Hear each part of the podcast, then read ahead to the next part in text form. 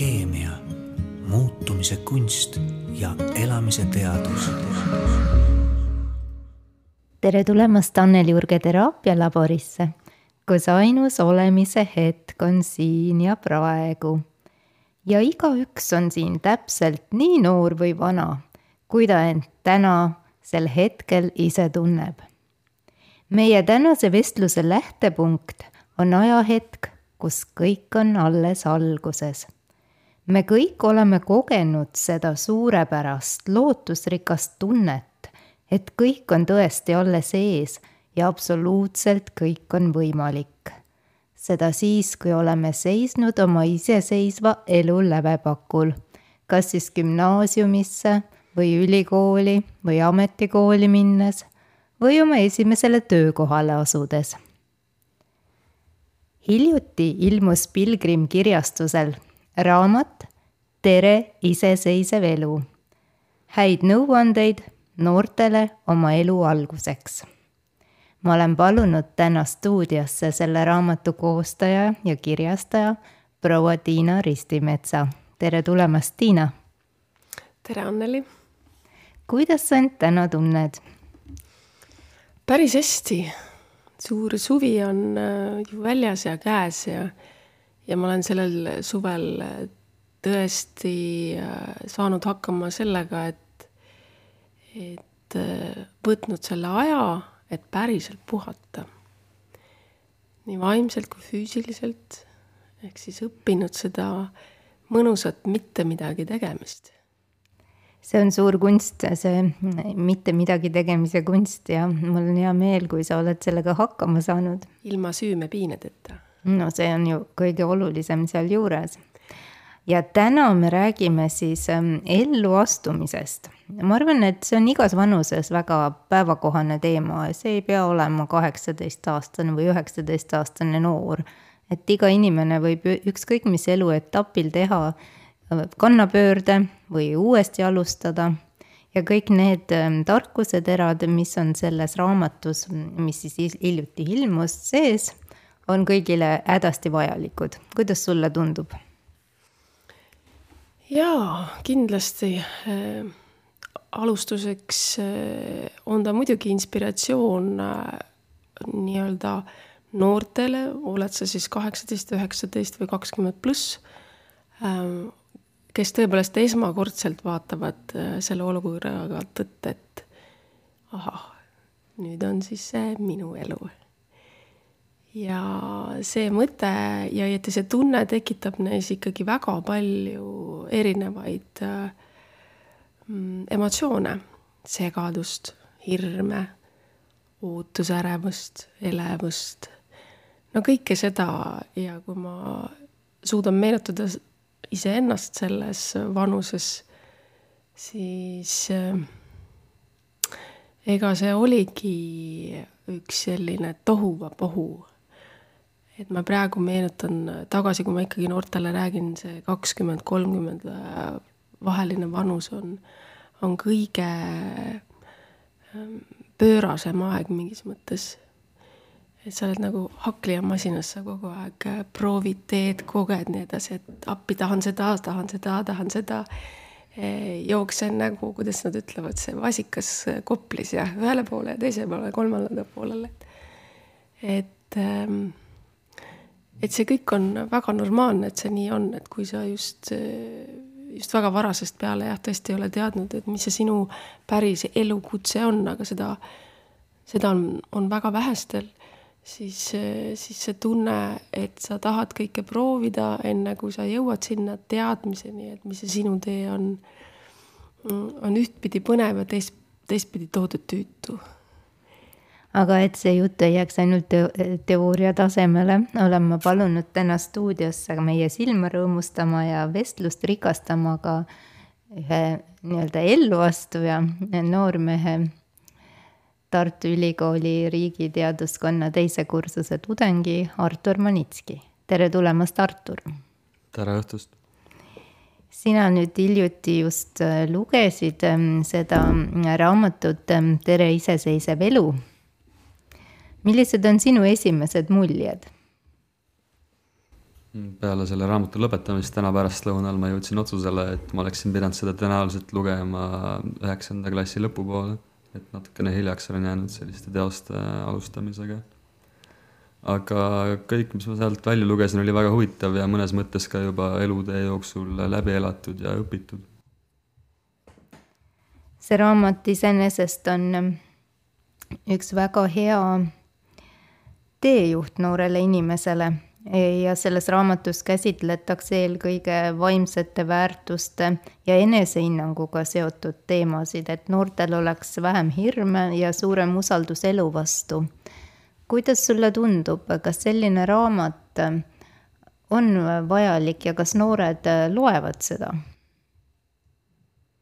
no lähtudes natukene võib-olla pessimistlikust vaatest, siis tõenäoliselt enamus noori, kes vajaksid selle raamatu lugemist, ei loe seda aga võib-olla siis see podcast ja üldse üleüldise ühiskonna ülesanne ongi neile seda informatsiooni levitada ja viia neid teadmisi nendeni. aga ma usun, et äh, see raamat, selliste asjade lugemine on vajalik ja enesehinnang on üks küsimus, mis on tänapäeva ühiskonnas väga teravalt esile kerkinud.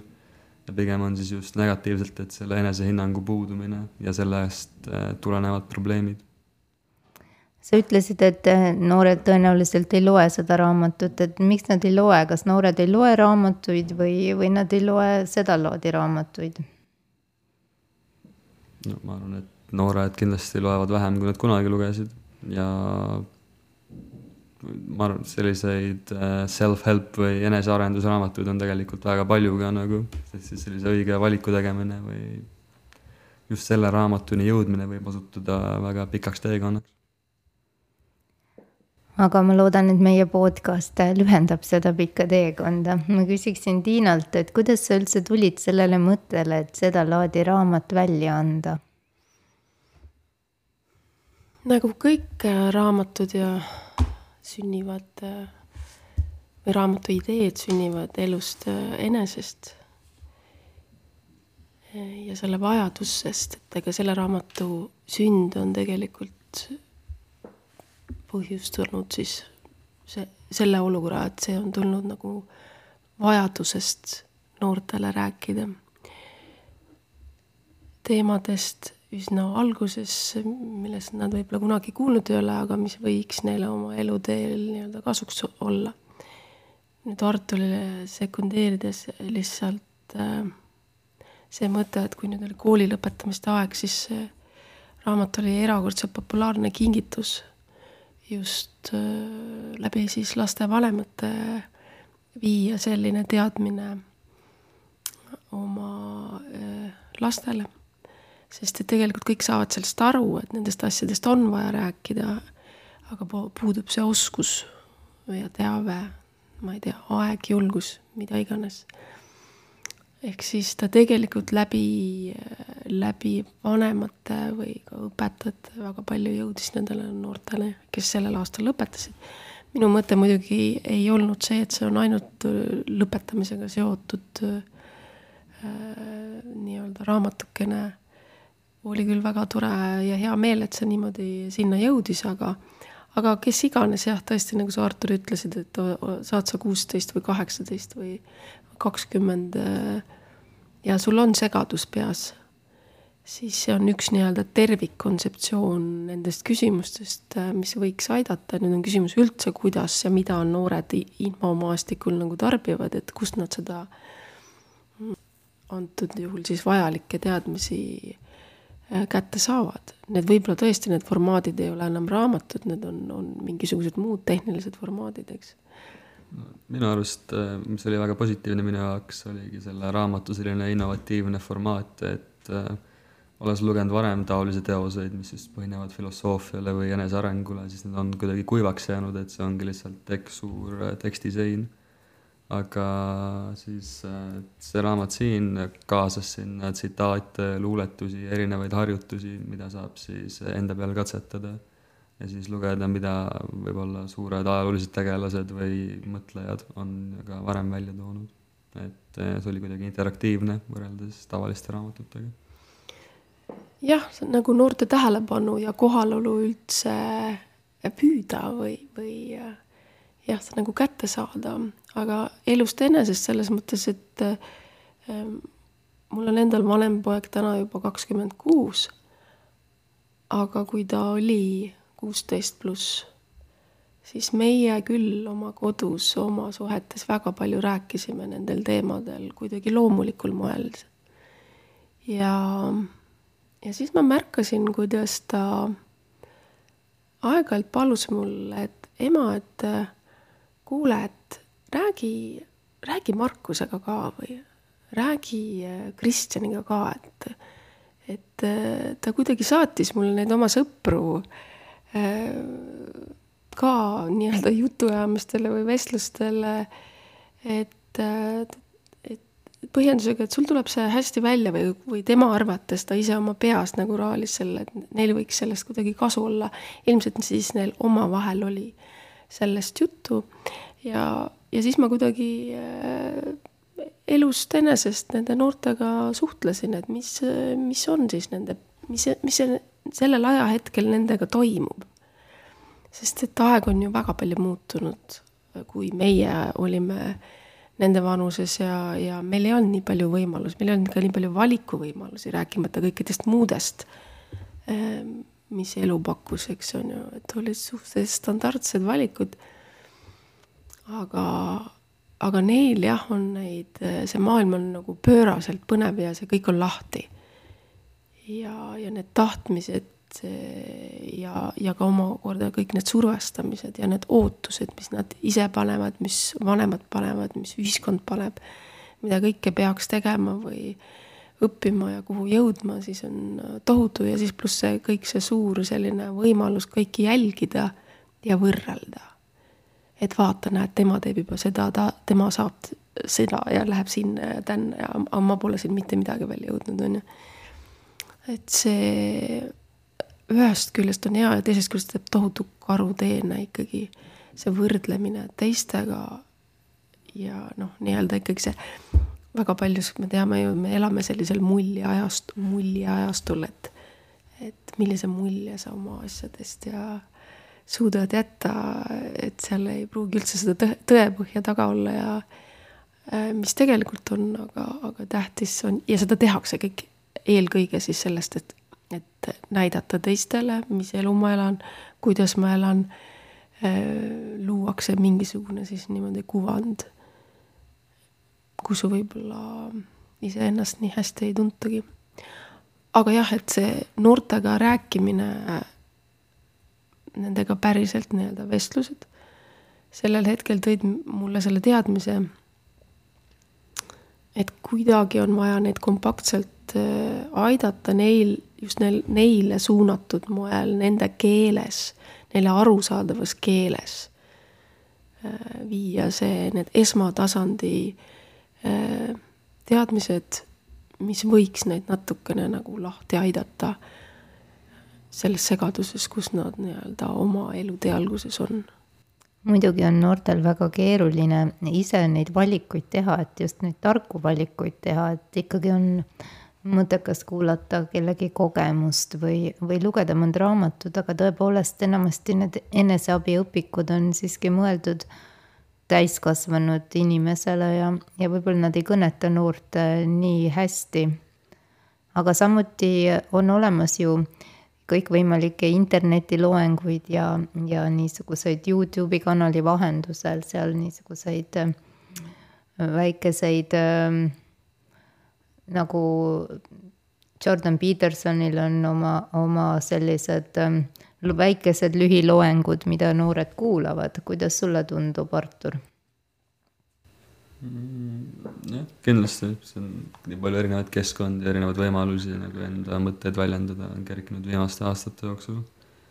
et noh, Peterson oli üks inimesi, keda ma hakkasin Youtube'ist vaatama ja siis sealt nagu erinevaid mõtteid formuleerima ja siis sealt edasi ärkas ka minu selline teekond, kus ma hakkasin proovima luua sellist äh, korda ja harjumusi asju enda elusse, mis aitaksid mul paremini toime tulla selles muutuvas maailmas.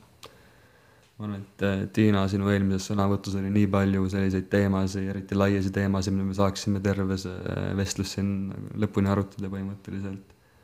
et äh, kuidas inimesed soovivad luua kuvandeid näiteks, äh, et äh, elu eesmärgiks muutubki enda elu nagu positiivne kuvandi loomine teiste jaoks, aga sa-, samas siis unustatakse ära kuidagi selline tegelik mina ja noh, selline see sisemise rahuni jõudmine. või siis näiteks, kuidas noh, selle käigus ka nagu valetatakse endale, et öeld-, keegi ütleb endale, et vaadake, ma teen seda, mul on hästi tore, aga tegelikult sa teed kõike seda selleks, et näidata teistele, et sul on tore, isegi kui sul ei ole võib-olla. et ma arvan, et tegelikult see on minu vanustel inimestel, kõik on seda kogenud, ma ise olen teinud seda ja ja selle nagu mõistmine ja selle vältimine on keeruline protsess, mis nõuab sellist tõsist keskendumist ja harjumuste loomist üks märksõna sellest raamatust, mis mulle jäi kõrva, on mõttemaailma kaardistamine. et eh, juba noorena, kui kõik on alles seal peas suhteliselt segamini ja nagu üks ähm, ühepajatoit, siis äh, on soovitus kaardistada oma mõttemaailma ja mõelda, kus sa tahad olla kahe aasta pärast ja veelgi rohkem, kus sa tahad olla kümne aasta pärast kui levinud praktika see on, Artur?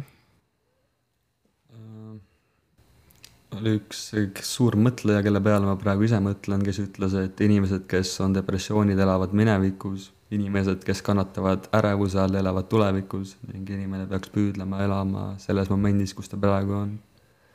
et mingis mõttes enda tuleviku sihtide seadmine on kindlasti oluline, aga need sihid ja eesmärgid ei tohiks siis muutuda selliseks kinnisideeks, milles, millega kaasneb ärevus ja kõik see, mis kaasneb ärevusega, siis mõjub nii vaimsele tervisele kui füüsilisele tervisele negatiivselt. aga enda mõttemaailma kaardistamine on kindlasti väga oluline. Et ma tunnetasin just aasta-poolteist aastat tagasi, et mu pea on täis tuhandeid erinevaid mõtteid, mis keerlevad seal meeletustel kiirustel, aga ma ei saa kunagi nagu ühest sellest mõtte otsast kinni, et siis reaalselt lõpuni mõelda ning nagu Äh, see mõte lahendada või kõrvale heita või sellega kuidagi lõpuni jõuda. et ma arvan, et see kõik, maailm liigub nii kiiresti ümberringi, et äh, ongi väga keeruline kuidagi luua sellist mõttemaailma selgust.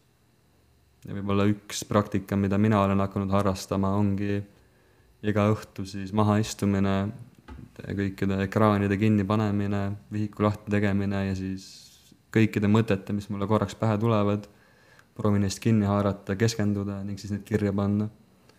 et siis see õhtu need mõtted nagu endale kirja panna ja järgmine päev võib-olla siis need juba vaevavad vähem mind või ma saan selgemini mõeldud. Ma tunnen, et see reaalselt nagu mõjutab ka minu igapäeva sellist keskendumisvõimet ja üleüldist äh, progressiivsust kas sa paned kirja ainult mõtted või ka tunded, mis sul nende mõtetega koos üles tulevad? kõike jah, see on üpriski vabas formaadis selline päevik või vihik, et äh, mõtted ja mis juhtus näiteks, mis mulle meelde jäi, tunded. ja selle raamatu üks äh, peamine äh, soovitus või idee on, et ennast paremini tundma hakkaks inimene õppima. ja see viis, see praktika, mida sa praegu kirjeldasid, ongi selleks väga suurepärane, et üldse aru saada, mis toimub minu peas, mis toimub minu tundekehas, et kes ma olen. sina, Tiina, oled ka ju noortega nüüd väga palju kokku puutunud nii oma lastega kodus kui siis ka Rocca al Mare koolis, kus oli sul väga edukas loengusari. Millise mulje sulle need noored jätsid? noored jätsid väga hea mulje. ühtpidi on nad tegelikult äh, väga targad juba ja teistpidi ka päris hädas. et äh, kõike seda, mida Artur kirjeldas, see mõtete paljusus ja mõtete juhtimine on, on üks suur tuleviku märksõna, kuidas, kuidas see oskus enda jaoks ära õppida või tõesti tegelikult kõigepealt, kuidas see endale üldse teadvustada, et seda tuleb teha. sinna tuleb jõuda kõigepealt. ennem tuleb kõik need suured äh, karussellid, kuidas ma teistele meeldin või paistan, läbi teha ja ja kui sa jõuad sinnamaani, et see tegelikult ei ole üldse tähtis. või sa kaod selle ära ja, ja noh, nagu me teame, ka kaos on korra ema, siis et sa saad aru, et sa selles elus tegelikult ei ole üldse õnnelik. et näitad oma ilusad pildid äh, ja, ja tekstikesed ära ja siis õhtul oled üksinda kurb kodus, et, et midagi on nagu paigast ära. ehk sinna vaimsele teele jõudmine, noh, see võtab aega. Mm, ja samas on vaja ju ikkagi siin ja praegu kõikide oma plaanide ja elu eesmärkidega, mis igal juhul peavad elus olema. Nendeni ikkagi vaikselt samme luua. Jah, ma olen Arturiga nõus, et eesmärkidest ja unistustest ei saa luua mingit kinnisideed, aga need kahtlemata peavad olema ähm, oma teel äh, selleks, et teada, kuhu poole liikuda. ja ma arvan, et üks tähtsamaid asju, mis tuli nendest loengusarjadest seal välja ähm,, oli seesama, see oma mina tundmise vajadus või kes ma üldse olen. mis, mis mind õnnelikuks teeb, mis mind kurvastab, mida ma millegipärast teen et mina olen oma elus kogenud seda iseenda nahal ja, ja, ja ma väga kirjutan ka sellele mõttele alla, et sa selle oma päris elukutse või mis sulle meeldib teha, pead leidma kuidagi nii, et sa tunned ennast, et ke, kes sa oled, mis su loomus on, mis sul loomuomaselt sobib. ja ja kui sa tead, kes sa oled, ma tõesti arvan, et inimese kõige tähtsam ülesanne on õppida elu jooksul päriselt tundma ennast oma võlude ja valudega. ja mitte ainult tundma, vaid ka aktsepteerima ja armastama ennast sellisena, nagu sa oled. Ja kui sa tunned ennast ja oma loomust, siis sa lei-, sa tead ka seda, mis sulle nii-öelda vabal ajal meeldib teha et kogu see töine kultuur või mis, mis moodustab meie elust ju nii suure osa, meie päevast kaheksakümmend protsenti me teeme midagi. ja mitte ka õudneme, kui me teeme midagi, mis meile ei meeldi. see võib tuua meile küll raha, aga noh, üldse ei meeldi, selle, me teeme seda sellepärast, et ma ei tea, ema-isa tahavad või nii. Seal on, oli mitu näidet sellel kursusel, kus, kus lapsed ütlesid, et nad lähevad õppima seda sellepärast, et neilt seda oodatakse jah, et vanemad on panustanud nende haridusse jah, ja eeldavad. tugevat survet seda, et neil seda oodatakse ja neil on nii-öelda viidud see informatsioon, et nad selle elukutse läbi suudavad ennast nii-öelda elatada. Eh, ma ei tea, siis edukaks saada. Kas neil see ka meeldib endale, noh, see pole teada, eks see aja jooksul siis, siis nagu elu näitab kui sul on peas segadus ja sa tegelikult ise seda ei tea, et ega ma ei ütle lõpuni, et see on vale, see võib olla üks idee siis teada saada, et kas see on sinu tee, on ju. aga kui see kindlasti ei sobi sulle, siis, siis neid äh, muutusi teha ei ole küll kunagi hilja.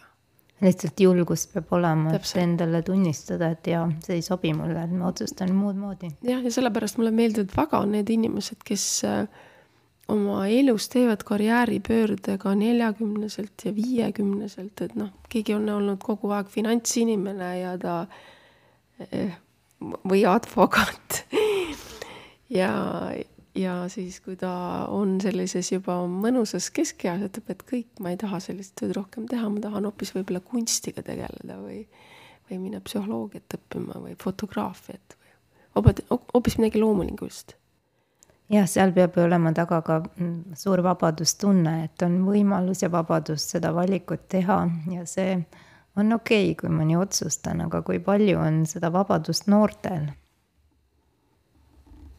Kui me rääkisime kannapöörete tegemist näiteks vanemas eas, siis nendel inimestel, nad järelikult on ju siis jõudnud sinna punkti ka, kus neil on finantsvabadus ja reaalne nagu võimalus teha sellist asja, et selle eest tuleb tänulik olla ja ma arvan, et juba noorena, kui sul on võimalus äh, saada vanemate toetus, et kooli minna, ükskõik, mida enda eluga teha, mida sa ise valid, see on väga suur asi, mille eest kindlasti peaks iga päev tänulik olema.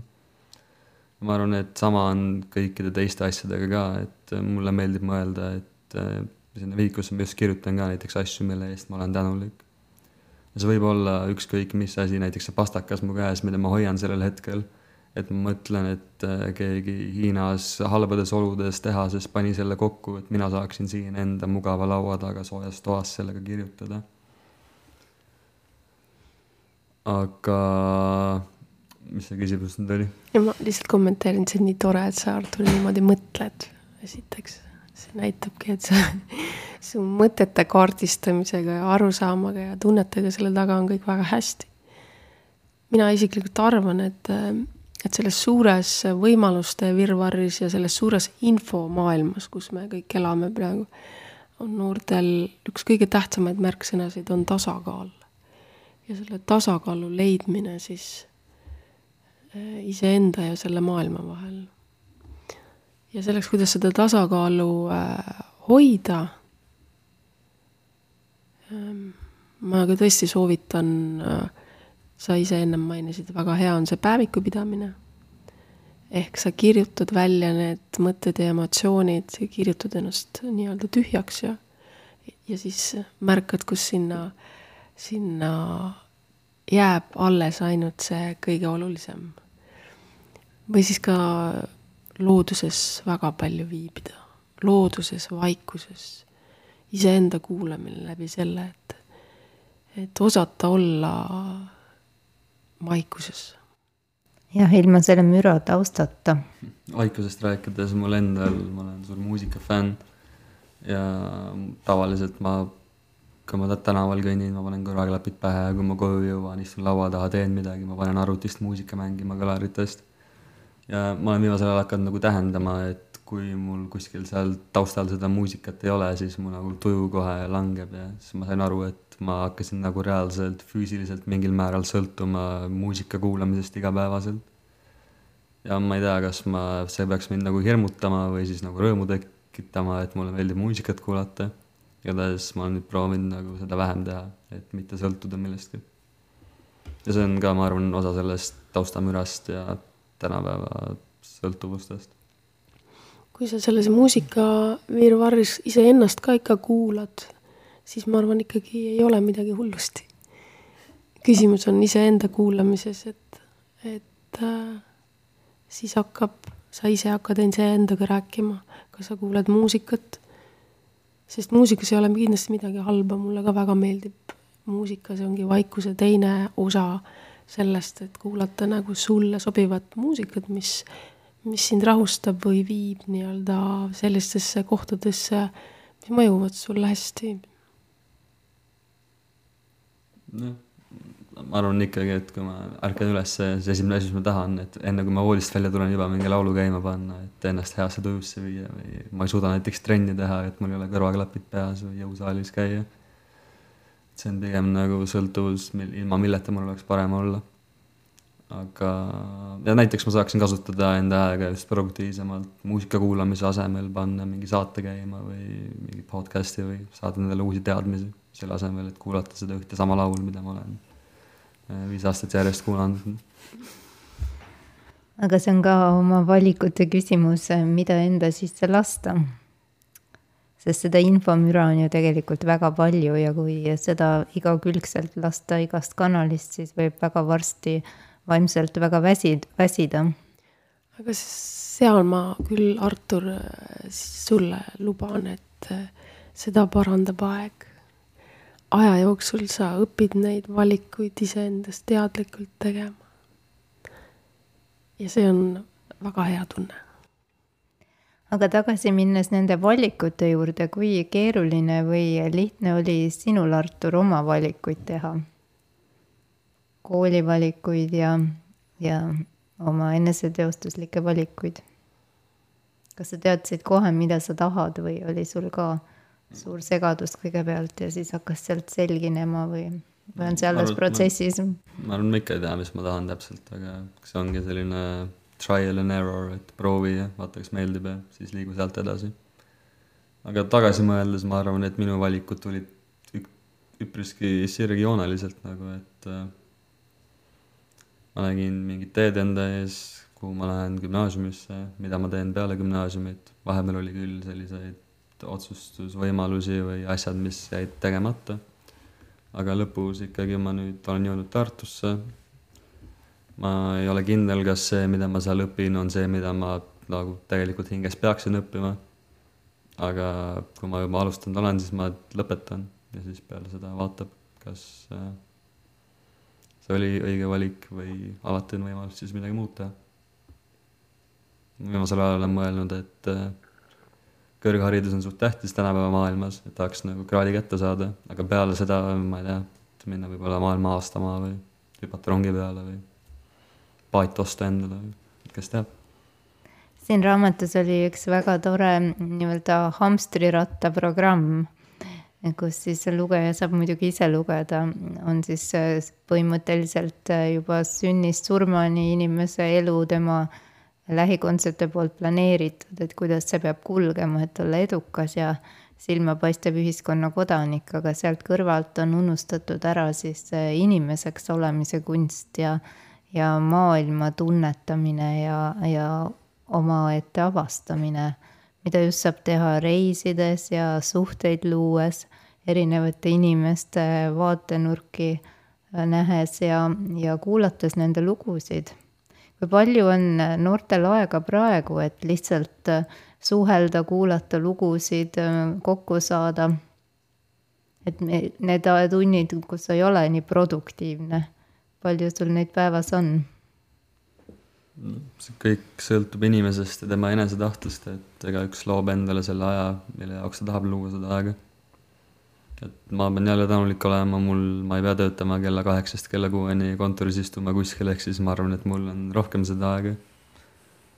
aga kooli kõrvalt on kindlasti õhtutel võimalus sotsialiseeruda ja näiteks elades selles ülikooli linnas, siis seal on tänaval enamus inimesi, kes sulle vastu kõnnivad, on sinu vanused ja ka sarnase haridustaustaga inimesed.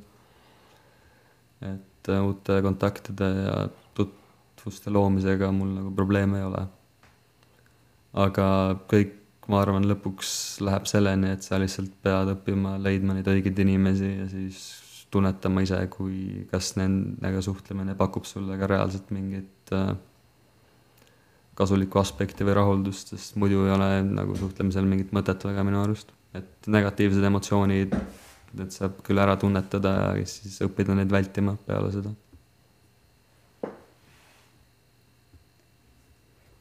Artur, kas sa oskad kirjeldada, mis sinu kõige suurem soov või eesmärk elus on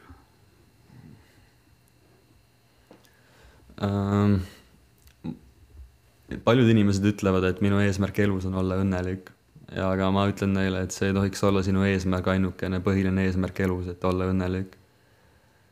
et õnnelikkus peaks olema asi, mis nagu tuleb kaasa nende tegudega, mida sa teed ja sinu teiste eesmärkidega aga kui sa elad selle jaoks, et olla õnnelik, siis eh, kui juhtub midagi negatiivset või midagi läheb elus valesti, siis see loss, mis sa oled endale ehitanud, klaasist loss nagu kukub kokku.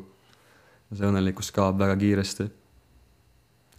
Viimasel ajal ma olen mõelnud, et minu eesmärk elus praegu on olla teistele inimestele, kellest ma hoolin, kasulik, eh, võtta vastutust ja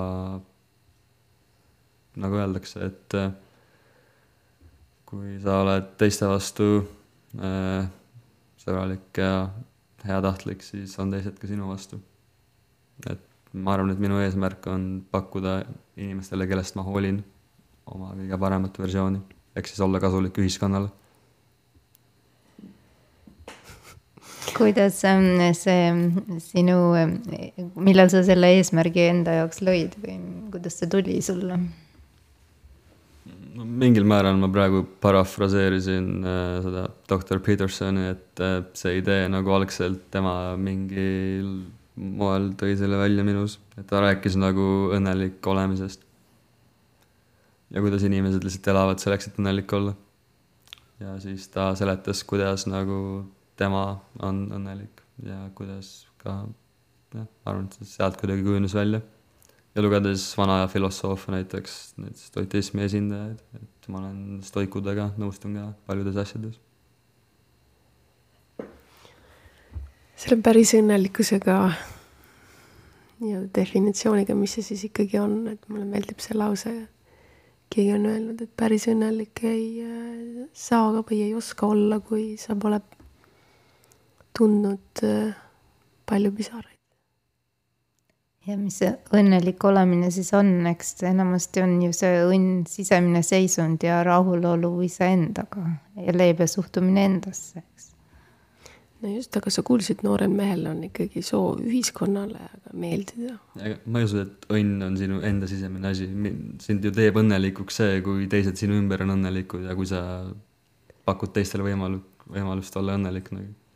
Jaa, parem inimene olla on küll üks hea ja õilis eesmärk jaa, sest inimesed tihti tahavad ennast paremini tunda, aga et eh, inimesed tahaks ka paremaks saada, olla paremad inimesed, et seda nii tihti ei kohta tõesti mm. -hmm. aga selles raamatus oli mm, veel mm, selle iseenda tundmaõppimise kõrval mitu head niisugust vaatenurka asjadele ja mitu head nõuannet ka suhete teemal ja samamoodi kriitika taluvuse teemal, et see on kindlasti probleemiks tänapäeval paljudel inimestel, et et see kriitika talumisega ei saada nii hästi hakkama, kuidas sulle tundub, Artur? seda kindlasti jah, et äh, tänapäeva noored saavad natuke kriitikat ja siis lähevad mõnel äh, mõnikord lihtsalt nurka nutma, nagu ei saa sellega hakkama, selle talumisega aga kust see tuleb? see tuleb tõenäoliselt madalast enesehinnangust ja kõrgestest standarditest, mis on seatud näiteks sotsiaalmeedias ja kõigest sellest, et kui sa endast kindel ei ole, siis sa ei suuda ka kriitikat taluda. kuigi see kriitika ei pruugi üldse olla nagu kurjalt või äh, kuidagi ründavalt mõeldud, see võib olla täiesti konstruktiivne lihtsalt tagasiside, mis on kriitiline. Ja see on tegelikult võib-olla abiks hoopis, aga kui seda ei suuda, suudest suudate lahti mõistestada, siis sealt ka mingit abi ei saa. kas sina tuled toime kriitika talumisega ja kuidas sa sellesse suhtud, kui keegi midagi sinu töö või tegemise kohta midagi kriitiliselt kommenteerib? mulle väga meeldisid seal raamatus välja toodud need insti-, instinktiivsed äh, reageeringut kriitikale, seal oli vist nagu viis sellist reageeringut, mis inimestel on kuidagi siin ajus äh, juba geneetiliselt salvestatud, et kuidas iga inimene reageerib siis äh, kriitikale. see oli näiteks, et sa nagu valetad, et õigustad ennast kuidagi, et äh, miks mul läks niimoodi halvasti või siis ründad vastu või sa oled täiesti tuim, et kuulad selle jutu ära, aga midagi nagu tegelikult omaks ei võta ja siis lugedes neid erinevaid äh, reageeringuid, siis ma nagu tuvastasin ka enda nagu elus, kuidas mina olen näiteks reageerinud kriitikale kunagi või milliste inimestega ma suhelnud olen, et nagu täpselt, täpselt samasugused asjad on juhtunud. aga ma arvan, et ma ise proovin ikkagi võimalikult äh, lahtine olla, et kui keegi on kriitiline minu vastu, siis ma mõtestan lahti, kas ta on kriitiline sellepärast, et ta proovib mind rünnata ja seal ei ole nagu mingit objektiivset vaatepunkti. aga kui see kriitika on reaalselt ka siis asjakohane, siis eks ma ütlen, et äh, tunnistan enda viga, kui vaja on ja järgmine kord proovin parem olla. me rääkisime ka mm, siin just hiljuti vastutusest, vähemalt Artur kasutas seda sõna, et vastutus on alati see mida inimene siis varem või hiljem äh, peaks äh, täiskasvanuks saades oma tegude eest võtma hakkama. ja tihti äh, paljud inimesed ei suuda seda teha ka veel küpses eas. kuidas sina iga päev oma tegudest vastutust võtad? ma arvan, et vastutuse võtmisel on esimene asi kindlasti selgeks teha, et endale ei tohi valetada ja üldse ei tohi valetada tegelikult mitte kellelegi, et valetamine, ma arvan, et on selline üleüldine suhtluse kokkukukkumine. et äh, tü, tü, tü, ma arvan, et ma loen, loen praegu Dostojevskit ja tema teost Vennad Karamaazovid ja ta tsiteeris seal kaunilt, et äh, mul ei ole küll see tsitaat siin kirjas praegu aga see läks umbes niimoodi, et ära valeta endale ega teistele, sest lõpuks sa jääd ise neid valesid uskuma ja sa hakkad elama kuskil nagu fantaasiamaailmas, kus tegelikult mingit objektiivsust ei ole. inimesed näevad läbi su valedest, aga sa iseenesest midagi endale ei tunnista ja sealt saab kõik minna ainult allamäge. ja see oli nende Karamazovite isa kohta seal teoses. et ta oli ikka väga äh, normaalne tegelinski psühholoogias on selle kohta isegi teatud diagnoos, ma arvan. jah, aga mõnedes ähm, sumptidest on see täitsa legaalne tegevus noortest rääkides tõesti see otsustusjulgus ja, ja vastutus on nagu otseses seoses, et sa otsustad ükskõik mida teha, mitte teha, äh, valida, mitte valida et kui sa oled otsustanud, siis sa ka vastutad selle tagajärgede eest, et kuidas seda nagu õppida, et need on omavahelises seoses. ma arvan, väga tähtis. ja, ja see kriitika koht ja kaotamise koht, et üks sporditreener, kes on poisse treeninud läbi aja judos, on kunagi öelnud, et üks tähtsamaid asju on õpetada poistele kaotama, mitte võitma vaid kuidas kaotusega toime tulla. ja noorte puhul, et see vastutus oma tegude tagajärgede eest, et kui sa oled täiskasvanu, siis ei ole mõtet süüdistada oma vanemaid või õpetajaid või kehva lapsepõlve või üldse mingit seitset põlve tagasi, on ju. et et sa oled täiskasvanud inimene ja ainult sinu vastutada on see, kuidas sinu elu toimub nüüd ja praegu. kuidas kõlab? jah, väga hästi öeldud. Vastutuse võtmine on vastutusrikas tegevus. see ongi hirmutav ja sellepärast väga paljudel inimestel noh, ka kuldses küpses eas probleemid jätkuvad, sest nad ei võta vastutust oma probleemistike ees, vaid alati on süüdi keegi teine. no mingil määral ma arvan, et ühiskonnas see peabki nii olema, et meil on paigas hierarhiad ja äh, sotsioloogiliselt ja juba geneetiliselt nagu mingid kindlad hierarhiad on sellepärast paigas, et osad inimesed võtavad rohkem vastutust ja on teovõimelisemad kui teised, ehk siis äh, vastutuse võtmine on hea. püüel, püüelge selle poole ja ma arvan, et siis teil lähebki elus paremini. nimetasid, et hierarhiad on paigas, et kas ähm, need on jäigad või, või paindlikud? no kunagi olid jäigad, tänapäeval on kindlasti paindlikud, et ühiskondlik äh, liikumine ju toimub. et noh American Dream on juba üle sa-, üle sajandi olnud, et sa võid saada kinganühkijaks miljonärist näiteks ja tänapäeval on täpselt samamoodi, et võimalik on tõusta ka kõige madalamast kohast. aga mida ma tahtsin öelda, et äh, hierarhia on tänapäeva ühiskonnas, ma arvan, et omandanud sellise küllaltki negatiivse tähenduse, et inimesed vaatavad, et hierarhia, miks see on, et kõik peaks olema nagu võrdne ju aga kui oleks hierarhiat, oleks kaos. ja ma arvan, et kaoses ei tahaks keegi elada, sest kaos ja kord peavad alati olema ju tasakaalus. rääkis riigiteadlane aga raamatu juurde tagasi tulles ähm, oli seal veel üks äh, väga huvitav peatükk ähm, lahtilaskmisest mis puudutab siis nende noorte elluastujate vanemaid, sina, Tiina ja mina, me oleme selles mõttes samades kingades, et. selle läbi teinud. selle läbi teinud ja seda veel läbi tegemas, eks. et kuidas sinu kogemus on, kas sul oli raske oma täiskasvanud poega lahti lasta? esimest poega mm? -hmm. kerge see ei olnud aga mulle tuli appi minu väike poeg, kellele ma pidin fokusseerima oma jõud. et äh, me olime või oleme endiselt, äh, ma olen oma vanema pojaga väga lähedane selles mõttes, et lähedaselt suhtleme. ei ole lihtsalt nii, et sa said nüüd täiskasvanuks ja, ja siis äh, nüüd vaata ise, kuidas sa hakkama saad, on ju. Et see lahtilaskmine tegelikult mõlemapoolselt, nii, nii siis vanema kui ka lapse poole pealt.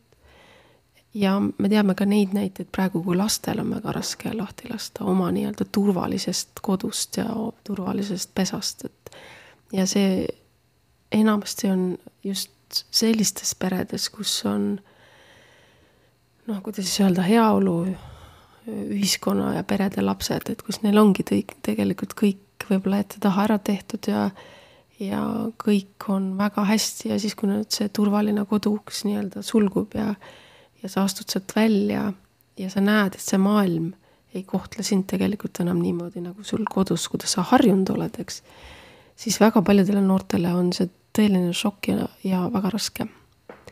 ma, ma olen kuulnud, et juba väga varasest east, ehk siis kui laps hakkab teiste lastega nagu sotsialiseeruma, näiteks viieaastaselt juba vist, jah. Näiteks mänguväljakul või kuskil, et juba siis, kui laps ei suuda nagu luua tutvusi ega sõpru või teiste inim-, teiste omavanustega suhelda, et see hakkab juba siis ka vanemana mängima mm -hmm. negatiivset rolli. et äh, kas sellel on mingi tõepõhi all, äkki te oskate vastata? jaa, sest et äh, üks tähtsamaid oskusi, ähm, mida toob ka välja ähm, siin nii-öelda oma kogemusloos, siis Georg siis ta ütles seda ja ma, ma arvan, see on väga õige, see on kohanemisoskus. sa pead kohanema uute oludega ja see, see, kuidas sa koha, kohaned, siis mõjutab väga otseselt sinu äh, vaimset tervist ja, ja kõiki neid võimalusi, et lahti lasta nagu rahulikul, loomulikul moel, liikudes enna oma iseseisva, vaimselt iseseisva elu peale ja kohanemisoskus ükskõik mis oludes, lähed uude kooli, lähed uude riiki, minu vanem poeg läks Londonisse ülikooli üldse Eestist ära, eks ju, et see ei ole siin, sõidad kaks tundi Tartusse, ükskõik mis ajal on ju, sõidad küll kaks tundi lennukiga, kah on tehtav täiesti, aga noh, mitte nii tihti, eks. et ähm, ja ma tagantjärgi olen mõelnud, et ta võib-olla tegi seda isegi nagu meelega, et tal oli tohutu soov kindlasti Eestist välja minna, et nagu see separatsioon või see lahtilaskmine toimuks noh, nagu suuremate kääridega ja, ja, ja kindlalt ja konkreetselt noh, meie mõlema jaoks. aga me saime sellega hästi hakkama, mis ei tähenda seda, et me omavahel kontakti täna ei hoia, et jah, me ei helista iga päev, on ju, aga, aga ma ikkagi väga hästi tean, mis ta elus toimub. küll ei sekku, aga tean, et ehk siis see, et emana olen alati olemas. see teadmine, sellest teadmisest piisab ja selle taga peab olema tunne. ehk et siis see koduuks on tegelikult alati avatud tema selja taga, et ükskõik millal tal tekib soov Just. või vajadus sinna minna, et seda kodutunnet, turvatunnet saada. kui lapsel on see teadmine, siis ma arvan, et see tegelikult aitab teda sellises suht, suhteliselt karmis maailmas paremini hakkama saada, et isegi kui ma fail in, isegi kui ma kukun läbi, ehm, siis see plaan B, mul on alati võimalus minna koju tagasi ja siis uuesti alustada. ehk siis midagi ei juhtu, et põlved puhtaks, et väga palju räägitakse siin sellest, et kes ei ole läbi kukkunud, see ei oska tegelikult õige eduni üldse püüelda midagi ei tule siin niisama lihtsalt. ja see, see lihtsalt on nimi, ei pea seda ka kartma, aga ei pea sinna tohutut tähendust andma. ma arvan nii ja võib-olla last rahustab ka see, kui tal on teadmine, et ta ei pea niivõrd selle edu poole püüdlema, vaid eesmärk tegelikult on ju teha seda, mida ta armastab teha ja küll siis tuleb ka see edu ja raha, kui ta seda hästi teeb jah, ja teisalt ma olen lugenud äh, väga noh, tegijate inimeste elulugusid, kes on tulnud ikkagi sellisest tough'ist äh, lapsepõlvest enamasti nagu suurest puudusteadvusest, vaesusest.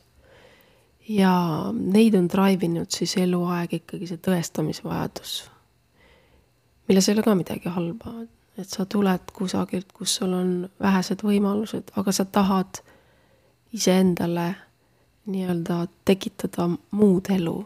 see on su võimalus, sellest, sest tõesti maailm on lahti ja kui sul on piisavalt äh, nutti, õnne ja pingutuse äh, oskust või, või, või sellist võimekust, eks, pingutada. noh, siis, siis tulebki seda teed minna. ja ma arvan, et see on õige. see on nii, kuidas kellelgi on see seatud oma, oma kompass. Aga kui nüüd Arturi käest küsida lahtilaskmise kohta, et teiselt poolt lauda vaadatuna siin emad rääkisid oma kogemusest, et kuidas, kuidas sina seda kogesid, kui sa selle koduukse selja taga kinni panid? no ma olen viimased kakskümmend üks aastat vahepeal seda koduust kinni pannud ja välja läinud, aga midagi, ma ei tunne, et ma oleksin nagu eraldunud veel. nagu öeldud, siis mul on kaks tundi Tartusse sõita ja et äh, ma ei ole olnud kunagi siin maailmas niimoodi, et ma tunneksin, et ma oleksin üksi. ja ma loodan, et seda kunagi ei tule ka. ja kui tuleb, siis selleks noh, mingil määral sa pead valmistuma. kuna maailm tegelikult on suhteliselt karm ja raske koht. et äh, kui sa ise aktsepteerid seda, siis kunagi on palju kergem kõigil, ma arvan. Kust sul tuleb see uskumus, et maailm on karm ja raske koht? no nii on. et äh, inimkond on siin kümneid tuhandeid aastaid olnud ja me oleme jõudnud äh, kuskil koopas elamisest ja mammutite jahtimisest siia, kus me praegu oleme. ja see kõik on ju üles ehitatud meie vere, higi ja pisaratega. ja tänapäeval me aina pürgime edasi ja samamoodi see kõik toimub, et äh, mingil määral ma arvan, et äh, me oleme küll inimesed, meil on mõistus, meil on kontseptsioon maailmast, aga samas me oleme ikkagi ka loomad oma primaarsel tasemel. milline on sinu maailm, Tiina? no minule ikkagi minu maailm väga meeldib. mis ei tähenda, et seal ei ole raskeid kohti või, või keerulisi kohti, neid on kindlasti, neid on igal inimesel. Mulle ka väga meeldib see maailm, et ma olen tänulik, et ma olen siin, mul on, et see on juba ime, et ma olen siin ja hingan iga päev ja ärkan üles iga hommik, et nagu ma olen väga tänulik, et ma siin selline võimalus on elada üldse. Noh. ja elu on suur kingitus keegi ütles just, et me ainuüksi selle peale, et me oleme elus ja terved ja oleme sündinud siia Eestisse, mitte kuhugile, siis kus need nii-öelda suure massi vaesemad riigid on, on ju. et see on juba suur õnn. aga jaa, mina oma maailmas näen äh, enamasti ikkagi helgeid värve. ja ma ei tea, see maailm, praegu on murekohad loomulikult, mis on äh, maailma mõistes meid kõiki mõjutavad nagu sõjad ja, ja noh, ma, ma ei hakka rääkima praegu saabuvast talvest ja sellega seotud elektrihindadest. et kas see tekitab minus ette hirme või kas ma tegelen sellega nii-öelda igapäevaselt, kindlasti mitte. sest ma ikkagi arvan väga, et kõik, millele sa keskendud, see kasvab. et ma keskendun praegu sellele, et on äh, suvi ja, ja tegelikult on, on äh, hea ja ilus olla. Millele sina, Artur, keskendud? kui ma olen praegu jäänud kõlama nagu selline elus pettunud pessimistlik inimene, siis see kindlasti ei ole niimoodi tegelikult, et täpselt samamoodi nagu Tiina, ma naudin täiel rinnal praegu seda kaunist loodust, mis mind ümbritseb ja naudin merel käimist ja naudin kõike, mida ma teen oma päevaga. et selles mõttes, nagu ma ütlesin, on see suur õnn elada ja teha seda, mis mulle meeldib. see raamat lõpeb ühe väga toreda soovitusega. ma arvan, et ma ei tee pattu, kui ma selle teile siin ette loen kõigepealt ähm, võiks teha iseendaga neli kokkulepet. ja see nüüd äh, on tõesti tuhandeid aastaid vana Mehhiko tarkus. esimene kokkulepe on siis ole oma sõnades laitmatu.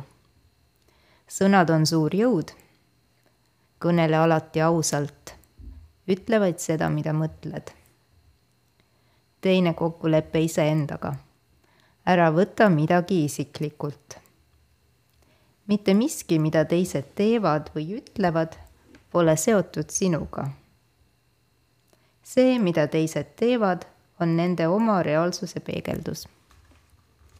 Kolmas kokkulepe, ära tee oletusi. leia julgust küsimusi küsida ja saad oma küsimustele vastused. ja neljas kokkulepe, anna endast alati parim. su parim muutub iga hetkega. anna lihtsalt endas igas olukorras parim. ja selle teadmisega saad vältida enesesüüdistusi ja kahetsust. Kuidas tundub?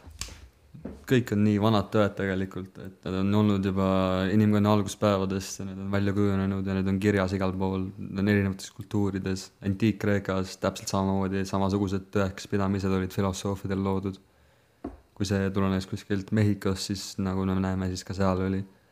et äh, kas need on hakanud siis nagu kaduma tänapäeva ühiskonnas, et meil on, peame pidama sellist vestlust või see on alati olnud niimoodi, et äh, inimestel on vaja neid meelde tuletada, ma arvan, et see on kombinatsioon neist mõlemast.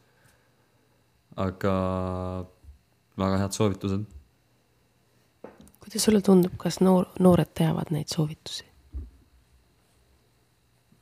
mulle tundub, et see peaks olema nagu ju meie sellise sotsiaalsete normide alustalad, kõik neli asja, mis sa öeldi, need peaksid olema äh, une pealt, peaks neid, nendest kinni pidama ja neid teadma ja sa kasutad sõna peaks, need sinu jaoks on, aga kas sa, kas sa noorte seas näed, et nad on nii Igas... normaalsed, nagu sa kirjeldad? igasuguseid inimesi on, et ma tean inimesi, kes ei ole ausad, ma tean inimesi, kes on väga ausad, ma tean inimesi, kes ei ole, keerutavad või siis valetavad. et selles mõttes ma arvan, et see teine soovitus või kokkulepe oligi, et ära võta midagi isiklikult. lihtsalt igas, nagu Marcus Aurelius ütles kunagi tuhat viissada aastat tagasi juba, et et iga inimest peab vaatama sõbralikult, vaata teda nagu ta oleks su sõber, ükskõik mida ta ütleb. ja siis, kui ta proovib sind ärritada, siis ta ei saa midagi teha su vastu, sest tema agressioon, tema halvad sõnad ei saa sulle haiget teha kui te peaksite midagi täna soovima ja soovitama nendele noortele, kes alustavad siis uut kooliteed, kas gümnaasiumiklassides või ülikoolis nüüd äh, tuleval sügisel, et mis need soovitused oleks? Tiina. julgelt astuda seda oma valitud teed. ükskõik, kuhu see tee siis viib rõõmuga ja silmasäraga. isegi kui see tee osutub millekski muuks või, või valeks või keeruliseks, siis mitte anda sellele lõplikku tähendust. alati saab teha muutusi, kui, kui tee tundub väga konarlik või suisa vale. ikka rõõmuga. mis on sinu soovitused, Artur? Ma ei tea, kas ma oskan öelda midagi, mis ei kõlaks nagu üks suur hull klišee lihtsalt. aga võib-olla, et inimestele öeldakse, et nad ei tohiks võrrelda äh, ennast teistega ja mingil määral kindlasti, et liigne võrdlemine on halb. aga kui sa oled näiteks, tunned, et sa oled depressioonis või sul on halb tuju või su elus läheb halvasti, siis pane see nagu perspektiivi. et äh, kellelgi läheb tunduvalt halvemini kui sinul.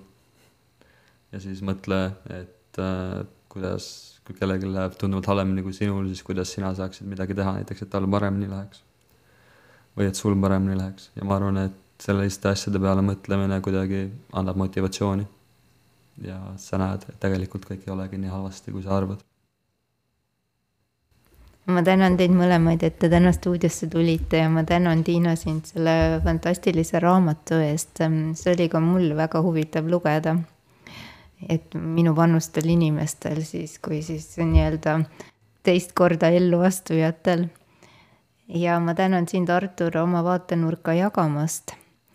ja jätka ja lõpetame siin täna sellisel optimistlikul noodil, et kõik, kõige parem on alles ees ja kõik on võimalik. nagu siin raamatus ka soovitatakse noortel uskuda. aga järgmises podcastis olen ma palunud vestlema psühhiaatri, kus me räägime siis nendest olukordadest, eh, kus eh, noored ongi depressiooni langenud või tunnevad, et nende vaimne tervis on kahjustatud ja anname neile nõuandeid, kuidas nende elu väljakutsetega hakkama saada. aga mina tänan teid ja soovin teile kaunist suve ja tänan teid kõik, head kuulajad, ja kui teil on mulle natuke konstruktiivset kriitikat või ettepanekut uute teemade ja külaliste suhtes, siis ma ootan teie kirju oma emaili aadressile anneli.alkeemia et gmail punkt kom. suur tänu ja peatse kohtumiseni.